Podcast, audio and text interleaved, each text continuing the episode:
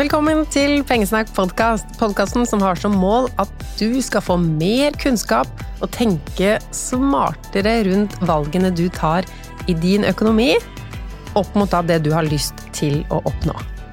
I dag skal jeg svare på et lytterspørsmål. Det er lenge siden jeg har gjort. Det handler om sparing til bolig.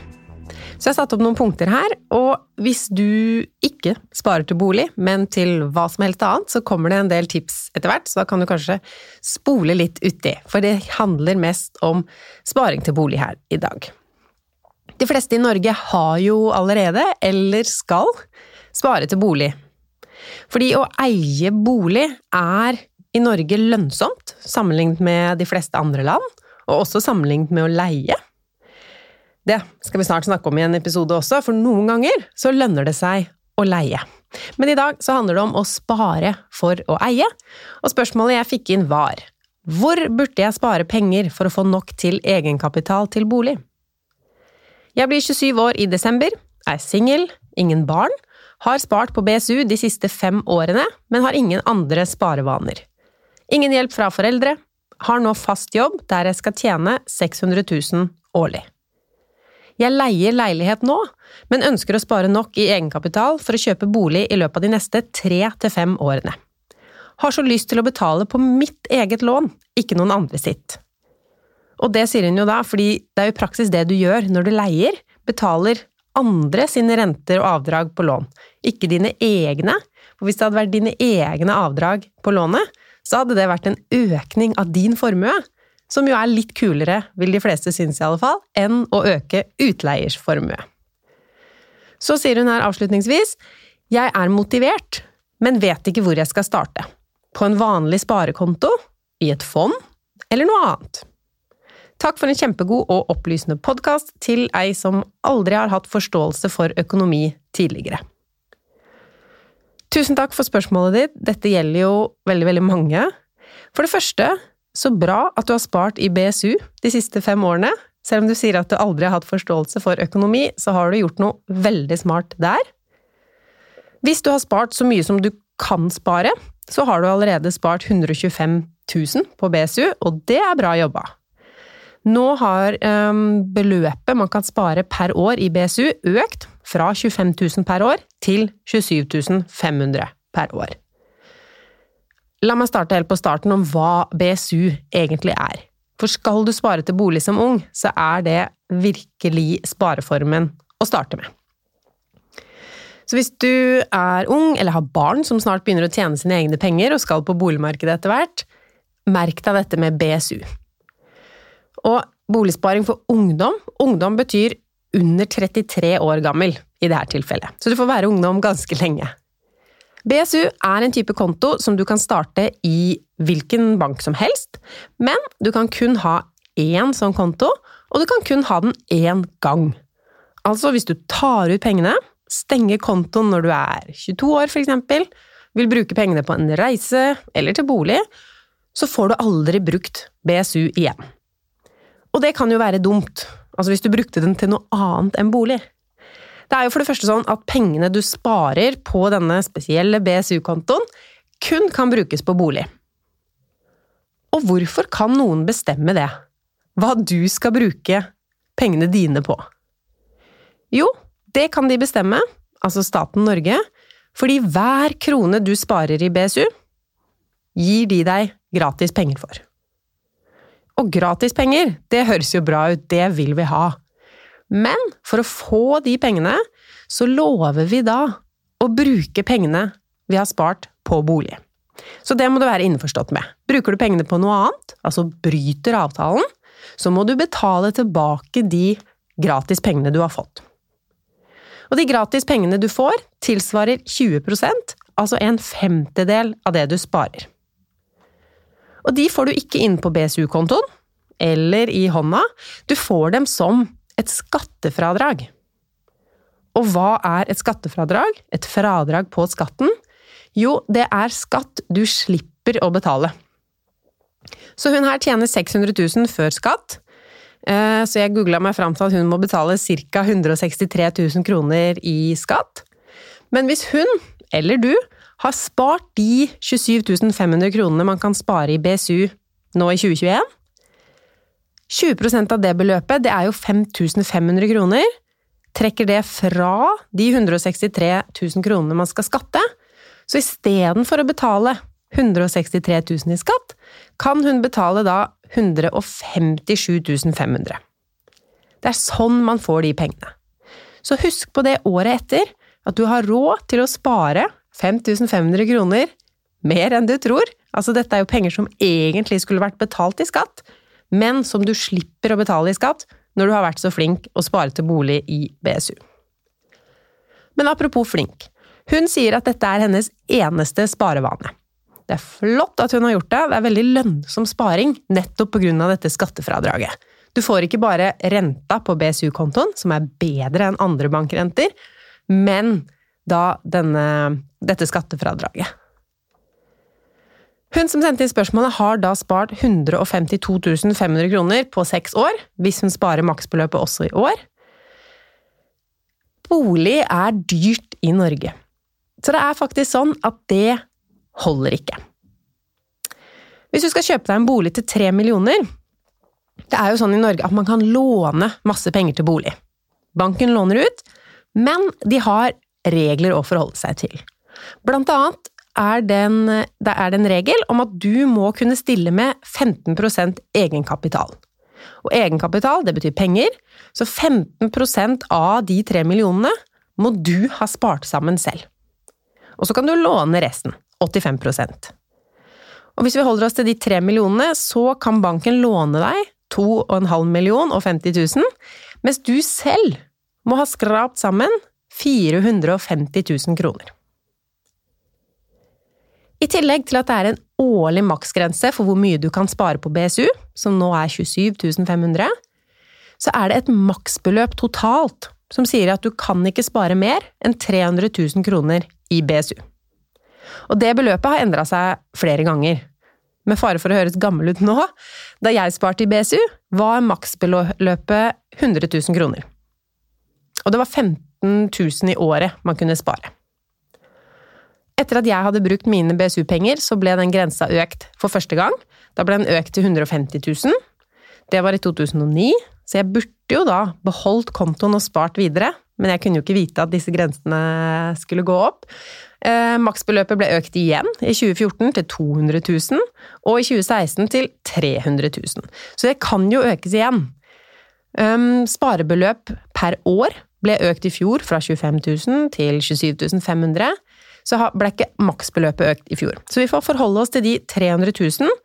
Og hvis du regner da på hvor mye skattefradrag kan jeg få, altså disse gratispengene jeg snakka om 20 av 300 000, det er 60 000 gratis penger til din boligdrøm.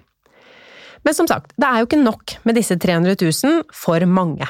Og med de maksgrensene per år, så rekker du kanskje heller ikke å spare opp 300 000 fra du begynner BSU-sparinga. Og så er det jo ikke sånn at du ikke er flink som fyller opp BSU-en. De første 27 500 sparekronene teller jo veldig mye, så det er superflott om du klarer det i år, og om du har klart det før og har en plan om å fylle opp BSU. Det kommer du til å takke deg selv for den dagen du for alvor begynner å ønske deg en bolig. Men det, som jeg sa, boligdrømmen er jo ikke sikra. Vi må samle sammen mer penger. Og det er heldigvis flere måter å gjøre det på. Det er jo to ting å snakke om her. Altså både hvor skal pengene komme fra, hvilke penger skal man spare, og hvor skal hun, eller du, spare dem. Og det siste først. Sofia spør øh, vanlig sparekonto, fond eller noe annet. Og hennes horisont er tre til fem år. Det er undersøkelser som viser at flytting, altså bytting av bolig, det skjer ofte raskere enn vi har planlagt.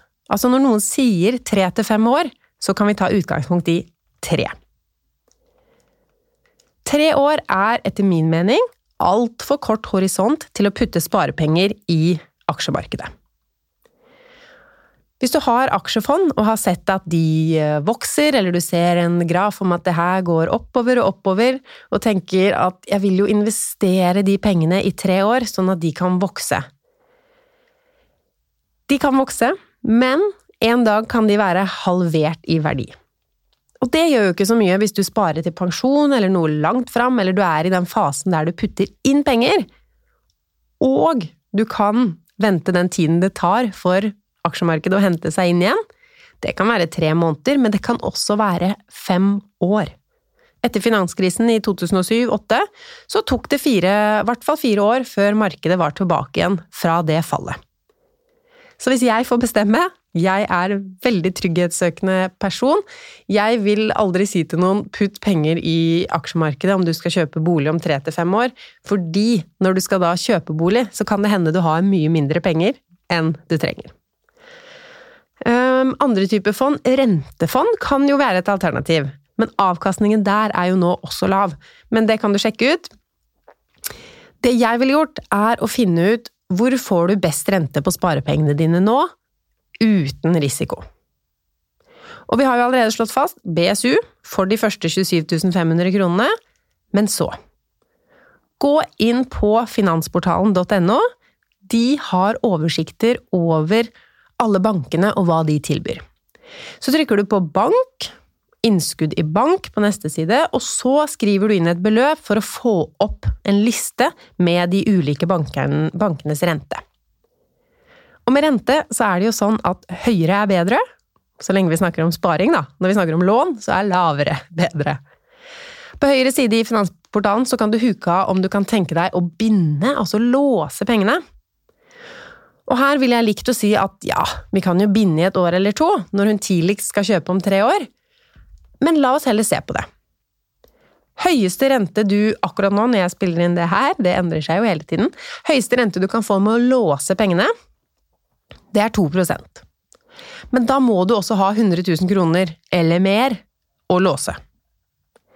Hvis du ikke har så mye, så er det vel 1,5 som er det meste du kunne Men la oss si du har de 100 000, da. 2% Hvis du ikke vil låse pengene, du vil spare de på en konto og ha de tilgjengelig hvis plutselig bilen din må erstattes, eller de funner ut at du skal kjøpe bolig med en venn eller kjæreste, og da vil gjøre det raskere, eller bare hva som helst av ting man kan trenge penger til. da. Hvis du ikke vil låse pengene, så er det beste du kan få akkurat i dag, 1,15 Og snakker vi om 100 000 kroner, så er det, hvis vi låser et år, 2000 kroner i renter, eller 1150 kroner i renter hvis vi ikke låser. Så da er det jo opp til deg om det er verdt 850 kroner å låse de pengene for et år. Men så har bankene også laget et produkt til deg som har spart maksbeløpet i BSU, men vil spare mer. I DNB så heter det Boligspar Ekstra, het vel BSU 2.0 før, i Sparebank1 heter det BSU pluss, i Obos-banken heter det Boligspar ung. Altså det heter noe ulikt i hver eneste bank. Så søk litt rundt og se hva din bank tilbyr, eller på Finansportalen så får du jo oversikt over hvem som har best rente. For her gjelder det å være obs. Det er stor forskjell, altså renta i DNB på denne kontoen er 1,4. I Sparebank1 SMN så er den 2,95. Altså over dobbelt så høy rente. Og det har jo mer og mer å si jo lengre det er til du skal bruke disse pengene. Så sjekk litt rundt, for da begynner det jo å virkelig utgjøre en forskjell. Pengene på en sånn eh, ekstra BSU-konto, den de låses til bolig på samme måte som i en vanlig BSU. Og da er det sånn at du kan putte inn penger i løpet av året, også på nyttårsaften, når vi går over i et nytt år. Da låses pengene til bolig. Så hvis du ikke har lyst til å binde dem til bolig, altså du vil ha dem der som en tilgjengelig buffer, så kan du ta dem ut i desember. For det er på nyttårsaften de bindes. Og jeg ser ikke noen grunn til å binde dem i en sånn konto. I BSU-en er jo grunnen til å binde dem at du får skattefradrag. Det får du jo ikke her. Ok, så nå har jeg vel kommet fram til en slags uh, anbefaling, altså hva jeg ville gjort, selv om alt jeg sier er jo mine personlige meninger og ting jeg har funnet ut. Du må alltid ha flere kilder og tenke selv, til og med. Uh, aksjefond blir for risky, sparekonto er tingen, eventuelt rentefond da, men ikke en vanlig sparekonto om du er under 34. Finn en bank som har en sånn BSU eh, pluss eller ekstra eller to, og spar i den, så fremt det er den beste renten du kan få. Sjekk Finansportalen med jevne mellomrom, for beste sparerente. La oss se på hvor mye vi må spare, da, før sparetipsene kommer til slutt. Regnestykket ditt vil jo bli seende annerledes ut, eh, både basert på hva, hvor dyr bolig du har lyst på, men nå tar jeg Sofie sine tall, og det var 450 000 kroner. En bolig til 3 millioner. Hun har allerede spart 152 500, så da gjenstår det 297 500 kroner. Så la oss si 300 000 kroner som skal spares i løpet av tre år. Det blir 100 000 kroner i året. Og det ville vært enkelt og naturlig å dele det på tolv for å få beløpet per måned, men la oss ta en liten tenkepause før vi gjør det.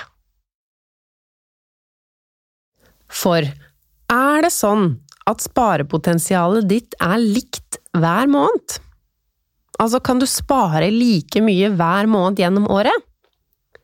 Og hvis svaret ditt er ja, så kan du ta de 100 000, dele på 12. Det blir 8333 kroner per måned som skal spares. Og sett det for all del opp som et automatisk trekk. Som jeg elsker automatiske trekk. Da gjør du det inn i banken, og du trenger ikke å tenke på hver måned og skulle huske å overføre det til BSU eller sparekonto eller hva du sparer i. En overføring som går av seg selv. Det er enkelt å sette det opp i nettbanken. Fra brukskonto eller lønnskonto, eller den kontoen da som penger kommer inn på, og over til sparing. Gjør det på lønningsdag, da er det mest penger å ta av. Og hvis det er sånn at du er student, da har du nok um, Altså på grunn av hvordan stipendet deles ut, så har du nok størst sparepotensial i august og januar, pluss i juli, hvis du har sommerjobb. Eller kanskje det lønna kommer da i august. For andre så vil det være sånn at desember, da kan jeg spare litt ekstra på grunn av halvt skattetrekk. Andre vil si at i desember er sparepotensialet mitt desidert minst. Jula koster masse hos meg. Samme med starten av sommeren. Altså feriepenger, kanskje penger igjen på skatten. Da kan det spares.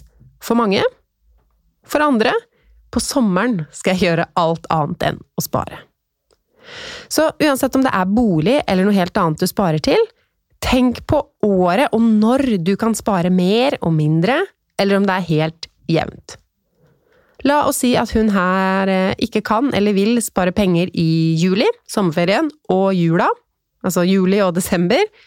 Da blir det ti sparemåneder å fordele beløpet på, ikke tolv. Så da er det 10 000 kroner som må spares hver måned. Er du i motsetning en sånn um, sommersparer, vet at du skal jobbe ekstra masse i en sommerjobb for å kunne finansiere boligdrømmen din, tenker du kanskje at da skal du spare 25 000 på sommeren, så er det jo bare 70 bare, det er jo høye beløp uansett, men da er det 75 000 igjen å spre på resten av året. Så da kan du sette det månedlige trekket ditt på 6250, og så sparer du manuelt da de sommerpengene. Hun som skrev inn, hun skrev jo faktisk 'jeg er motivert', og det er veldig viktig i starten av en sparing. Men hva med om et år eller to? Vi må gjøre det her sånn at hun ikke er avhengig av å være like motivert hver måned. Så da er sånn automatisk sparing, at det skjer av seg selv i nettbanken, gull. Hvis dette ble helt urimelig høye beløp, det virker jo som hun her, at det ikke er så lenge siden hun var eh, student, hun har fått seg fast jobb nå, så kanskje hun har gått betydelig opp i lønn. Og det er jo et sånt tidspunkt det er enkelt å begynne å spare mer, fordi du har plutselig mer penger inn enn du er vant med å ha. Og hvis du bare begynner å spare de med en gang, sånn at du aldri egentlig opplever hvordan det er å ha så høy lønn, så er det enklere enn om du er vant til å bruke opp så mye penger hver måned, og så må du redusere. Ok, la oss lage en liste. Det første jeg skulle si, det kan jo også hende at drømmen flytter på seg. Altså i verdi. At det plutselig er en dyrere bolig hun ønsker seg. Tre til fem år er jo en stund, så det er ingen grunn til å spare mindre enn man kan heller. More is more, kan man vel si når det kommer til sparing.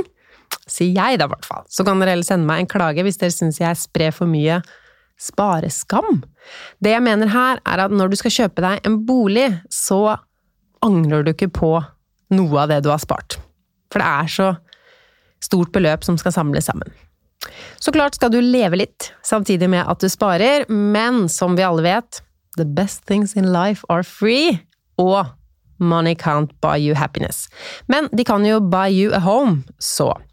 Det månedlige trekket er oppe, kanskje har du i din økonomi ikke råd til mer enn et par tusen i måneden. Drømmen flytter seg veldig langt fram i tid, så hva kan vi gjøre for å speede opp her? Og da må du se på hva vil du bruke penger på hver måned? Rett og slett. Hvor mye går til å bo? Hvor mye koster mobiltelefon, strøm, internett, mat, ting du må ha, ting du vil ha? Hvor mye kan du spare? Og hvor mye skal du gjøre av ting som koster, men som ikke er nødvendigheter? Altså, hva kan du ofre? Hvis du ikke vil gjøre om på noen prioriteringer for å få råd til bolig, så blir det vanskelig å få råd, fordi det nettopp koster så mye. Jeg skal spille inn en ny episode om verdien av småpenger, som kommer om et par uker, tenkte jeg. Fordi det er så viktig å ikke undervurdere kraften i små sparesummer. Hvis du sparer små summer, la være å kjøpe ting som ikke koster så mye for hver gang, men når det er en gjentagende greie. Du får mer igjen til sparing hver gang du lar være å kjøpe noe. Sånn er det bare. Jeg sier jo at jeg kun kjøper det som gjør meg lykkelig. Og det er jo et tips til deg òg, å sette lista veldig høyt for hva du skal gidde å bruke pengene dine på, nå som du har en så klart definert drøm om bolig om tre år. Mer lønn hvis du jobber ekstra eller klarer å få deg en lønnsforhøyelse eller bytte jobb, og en lønnsforhøyelse er en del av det. Jobbe mer Altså, er du nyutdanna i et firma det går an å jobbe overtidstimer, ta på seg ekstra prosjekter, det er jo også godt for læringa di? Du lærer mer av å jobbe mer. Lønnsveksten. Da kan du få til ting på jobben som du ikke ville ha gjort hvis du var den første som dro hjem. Så da både tjene mer her og nå, men også lage bedre utsikter for deg selv i framtiden. Hvis du jobber på en jobb hvor det ikke er mulighet å ta overtidstimer eller ekstravakter, så um, jeg har en film på YouTube som uh, du kan um, se på. Søk etter pengesnakk og ekstra inntekt. Der er det vel 40 tips til måter å tjene penger på. Så handler det om å være litt kreativ og tenke på alle måter å få penger inn. Har du ting liggende som du ikke bruker, ikke selge ting du ikke trenger, er det noe klær? Er det noe på kjøkkenet? Er det noe bilder? Bøker? Hva som helst. Tekniske ting. Eh, sportsutstyr du ikke bruker. Å selge unna ting, det er jo både digg å få en opprydning, men da kan du få inn noen eh, hundrelapper, femhundrelapper og tusenlapper som kan gå rett til boligsparing. Det begynner å høres ut som en Best of pengesnakk-episode, det her, med de sparetipsene, men jeg tenker sånn altså, Man skulle kanskje tenke at det er kjedelig at det ikke er noen helt ferske, supersmarte sparetips som man aldri har hørt om. Men det syns jeg egentlig er det fine. Fordi penger og sparing er jo penger og sparing, og det forandrer seg ikke så mye. De tipsene som er, de um, Altså, man kan jo alltids komme på nye sparetips, og gå en omvei til jobb for å slippe å bli frista til å shoppe. Kanskje er ikke shopping problemet ditt, altså kanskje er det ingen butikker på vei til jobben din. Eh, jeg har jo aldri noe imot sparetips, jeg elsker jo sparetips, jeg. Men det er ikke sånn at Altså, hvis du sitter og venter på et sparetips som kommer til å gi deg råd til drømmeboligen Det er ikke sånn. Det du må gjøre, er rett og slett å spare. Det var en som sa til meg da jeg skulle skrive min første bok, at det vanskeligste med å skrive en bok, det er å skrive den. Altså, ikke tenk at du må skrive den på en perfekt måte eller i en perfekt rekkefølge, må vite alt om å skrive en bok før man skriver. Eh, sånn er det jo med mange ting, at man leser og tar kurs og skal liksom vite alt. Men bare skriv, eller i dette tilfellet, bare spar. Det må gå penger inn på sparekonto, det er det viktigste. Så gjør det nå, om du har penger på konto og vil spare til bolig. Jeg bryr meg ikke om det er 1000 kroner, 10 000 kroner eller 100 kroner kan være 76 kroner, men kom i gang! Og aller helst med et fast månedlig trekk. Jeg tror du også kommer til å elske faste månedlige trekk med en gang du er i gang. Og hver gang du finner et sparetips du liker, da, Um, dropp en TV-kanal eller et abonnement. En daglig eller ukentlig vane som du finner ut at det kan jeg ofre for å få råd til boligdrømmen raskere. Da kan du øke sparetrekket ditt med det den vanen eller det abonnementet kosta. Ha med matpakke. Hvis du kjøper mat stadig på kiosk og bensinstasjon, så blir det mye penger. Så matpakke er et bra sparetips. Eh, og så kan du også prøve å øke det trikk det månedlige trekket uten at du direkte kutter noe annet. Altså, kommer du til å merke det i slutten av måneden om du øker sparetrekket ditt med 200 kroner nå? Så selv om du ikke fikk regnestykket til å gå helt opp i stad, altså vi var i de høye summene 10 000 i sparing i måneden hvis du skulle spare 300 000 på tre år og ikke skulle spare på i sommerferien og i jula, 10 000 kroner i måneden, hvis du ikke har mulighet til det, så er det ikke sånn at du aldri kommer til å få råd til bolig. Alle monner drar, og hvis vi stadig øker, ikke sant, sparer det du kan, og så finner vi jo flere og flere måter å øke trekket på underveis. Vi kan øke inntekt, vi kan finne enda bedre måter å minske utgiftene på. Eh, det er jo noen hacks som kan passe for noen, eksempel det å bo hjemme i et år eller to. Absolutt ikke mulig for alle, men hvis det er mulig for deg, så se litt på tallene. Du kan bidra ganske mye til husholdningen hjemme hos mamma eller pappa, og fortsatt spare masse om du ikke har din egen husleie. Da kan det gå veldig mye raskere å spare opp. Eller flytte inn i et kollektiv. Søk litt rundt deg hva som er mulig, og hvilke typer bolig som eh, Altså hvor lite du kan bo for. Hvis du klarer å kutte bokostnaden med 2000 kroner i måneden, så er det nesten 50 000 kroner mer i sparing hvert år. Selv bilen, hvis du har bil som du egentlig ikke trenger, det er jo to ting med det. Både at uh, bilhold koster jo penger hver eneste måned, og reparasjoner og ting som kan skje. Um, så da sparer du jo penger i løpet av året, som du da kan bruke på bolig. Pluss at når du selger bilen, så får du jo penger som også går til boligsparing. Du kan låne penger fra foreldre. Det er mange som får hjelp ut på boligmarkedet. Jeg leser stadig artikler hvor det står at det er helt umulig, spesielt i Oslo, å komme seg inn på boligmarkedet uten hjelp fra foreldre. Og det er ikke sant. Ikke lag det til en sannhet at det er umulig å komme seg inn på boligmarkedet uten hjelp fra foreldre, for det er det ikke. Har du ikke spart til bolig og har lyst til å kjøpe bolig med en gang, så er det umulig, ja. Man må spare. Bolig er en dyr ting, men det er ikke umulig å komme seg inn på boligmarkedet uten hjelp fra foreldre, eller hvis man er alene. Det er flere måter å få hjelp fra foreldre på, hvis du har mulighet og lyst, og de har lyst til å hjelpe deg. De kan stille med garanti i sin bolig. De kan være kausjonister. Du kan ha dem også som medlåntagere. Da er det jo en betydelig risiko for foreldrene, som står ansvarlig da hvis du ikke klarer å betale ditt lån. En ting jeg også tenker på, er jo det eierskapet til boligen og lånet, og hva du har lånt, og hvis du Altså hvis du har eh, sikkerhet i foreldrene dine sin bolig, og de sier ja, helt greit for oss, eh, vi har sikkerhet her, vi kan være medlåntaker, ta det lånet du vil, så mister du kanskje litt den følelsen av at det er ditt lån, det er din bolig, du betaler ned, du har full kontroll på renter, du kan bytte bank uten å måtte spørre noen andre. Så det jeg ville gjort, tror jeg, hvis jeg skulle hatt hjelp fra foreldre, var å heller låne en definert sum. Altså hvis jeg mangla 50 000 kroner, og heller ta det som et lån, skrive en avtale på hvordan det skal tilbakebetales, skal det være med renter, uten renter, skal jeg betale tilbake fra og med neste måned, eller skal jeg vente tre år, og så skal jeg betale tilbake alt?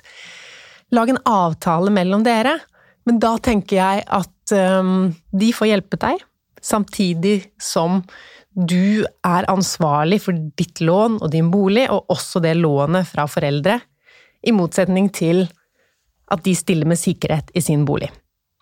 Det er bare min tanke. Um, å spare selv, om du får spart opp helbeløpet, får litt hjelp eller mye hjelp, det er jo flere fordeler ved å spare. Hvis du noen gang var i tvil. Vi var jo inne på det med at sparebeløpet ditt kan virke som en buffer til andre ting mens du holder på å spare til bolig.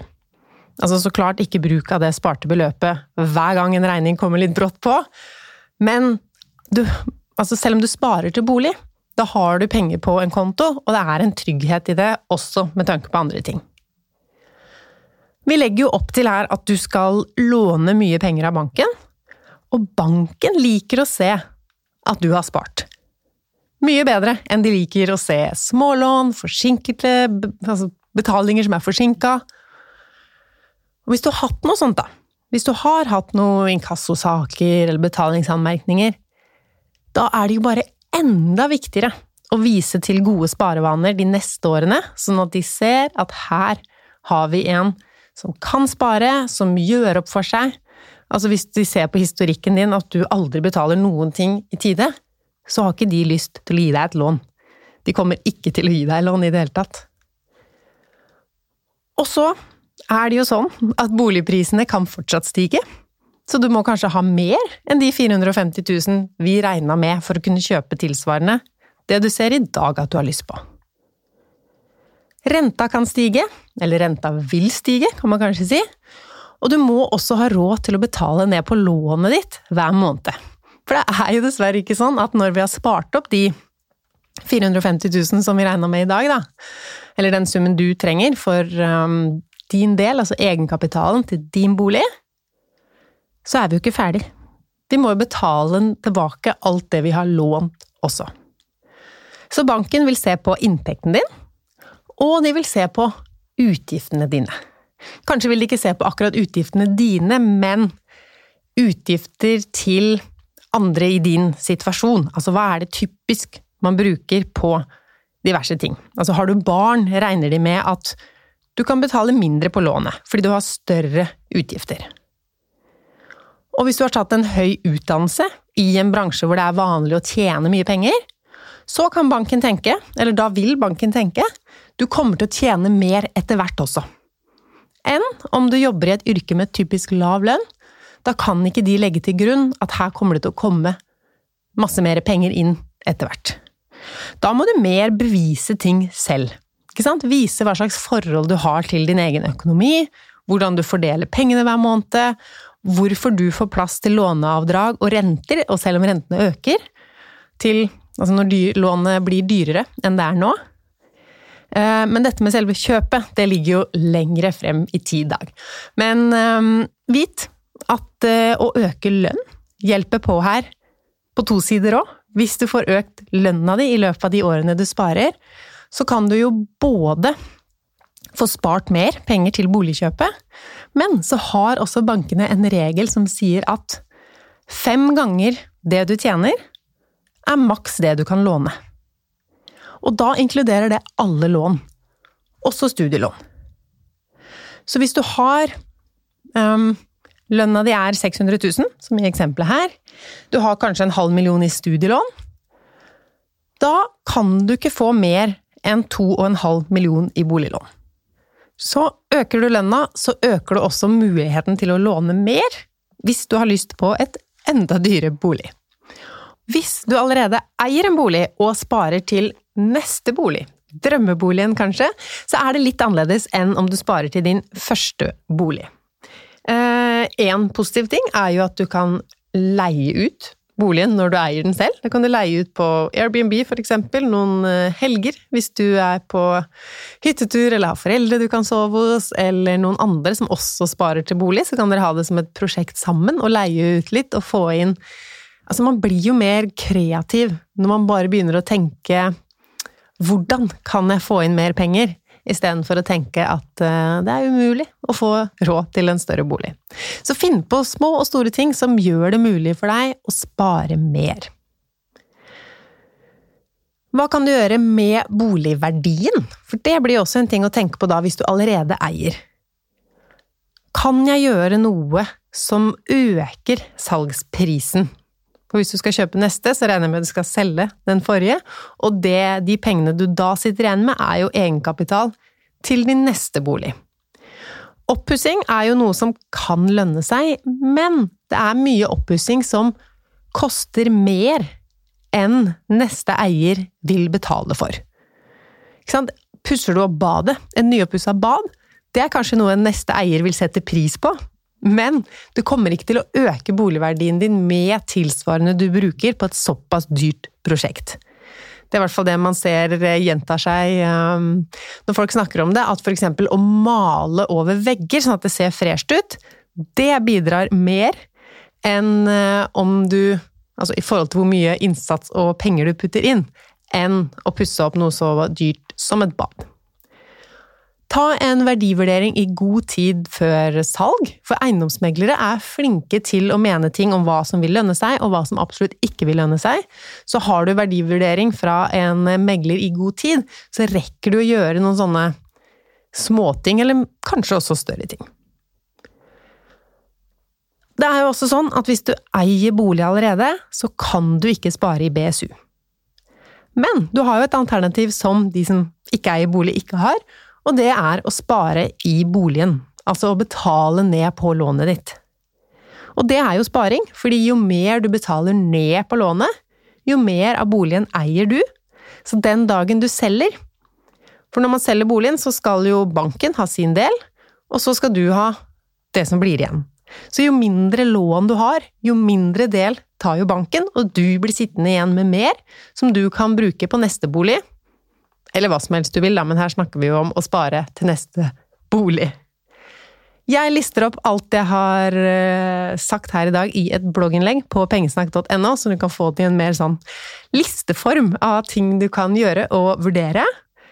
Legg en plan, og start med et automatisk sparetrekk i dag, ville jeg sagt. Fyll opp BSU først, og så finner du en konto med høyest mulig rente å fortsette sparinga på. Bli kreativ på inntektssiden. Eller kanskje ikke du trenger å være kreativ engang, bare jobb mer. Spar mer. Se på hva du vil ofre for å nå boligdrømmen raskere. Og det er jo litt sånn at hvis boligprisene fortsetter å øke, så er det med raskere ganske viktig, fordi du klarer kanskje ikke å spare nok til å holde tritt med verdiveksten hvis du bare sparer litt og litt og litt. Eh, når det er sagt, så er det ikke alltid bare om å gjøre å komme seg inn på boligmarkedet så tidlig som mulig. Fordi hvis du da, det du har råd til å kjøpe da, hvis du eh, sparer masse over kort tid for å få liksom, det minste kottet du kan få tak i, så skal du kanskje ikke bo der så lenge. Kanskje du fortsetter å spare mye, sånn at du heller vil kjøpe noe større ganske raskt. Og da er det jo kanskje en for kort periode du bor i den første leiligheten til at det lønner seg å kjøpe den. Fordi det er ganske mange utgifter ved å kjøpe, og så er det utgifter ved å selge. Så det må du også ha med deg i regnestykket, at det du kjøper skal være et sted du skal bo lenge nok til at ikke altfor store summer går med til bare kjøp og salg. Lykke til, uansett hvor langt du har kommet i boligspareprosessen. Del denne episoden med noen som kan ha nytte av den. Send en link til en 18-åring, 26-åring, 15-åring. For å nudge dem til å starte med boligsparing, det er veldig lurt, og de fleste vil eie sin bolig, egen bolig en eller annen gang uansett. Jeg kjenner ingen som angrer på å ha begynt med boligsparing tidlig. Det er mye penger som skal samles sammen, og fordeler du sparinga over flere år, så bidrar de lavere, altså selv om du har lavere månedlige summer, så bidrar det mer og også da har du muligheten til å gjøre mer som koster penger ved siden av, hvis du ikke er helt ekstremsparetypen. Da gjenstår det bare å takke Pengesnakk podkast sine sponsorer, og deg for at du hørte på Pengesnakk podkast. Jeg er tilbake neste mandag med en ny episode. Ha det bra!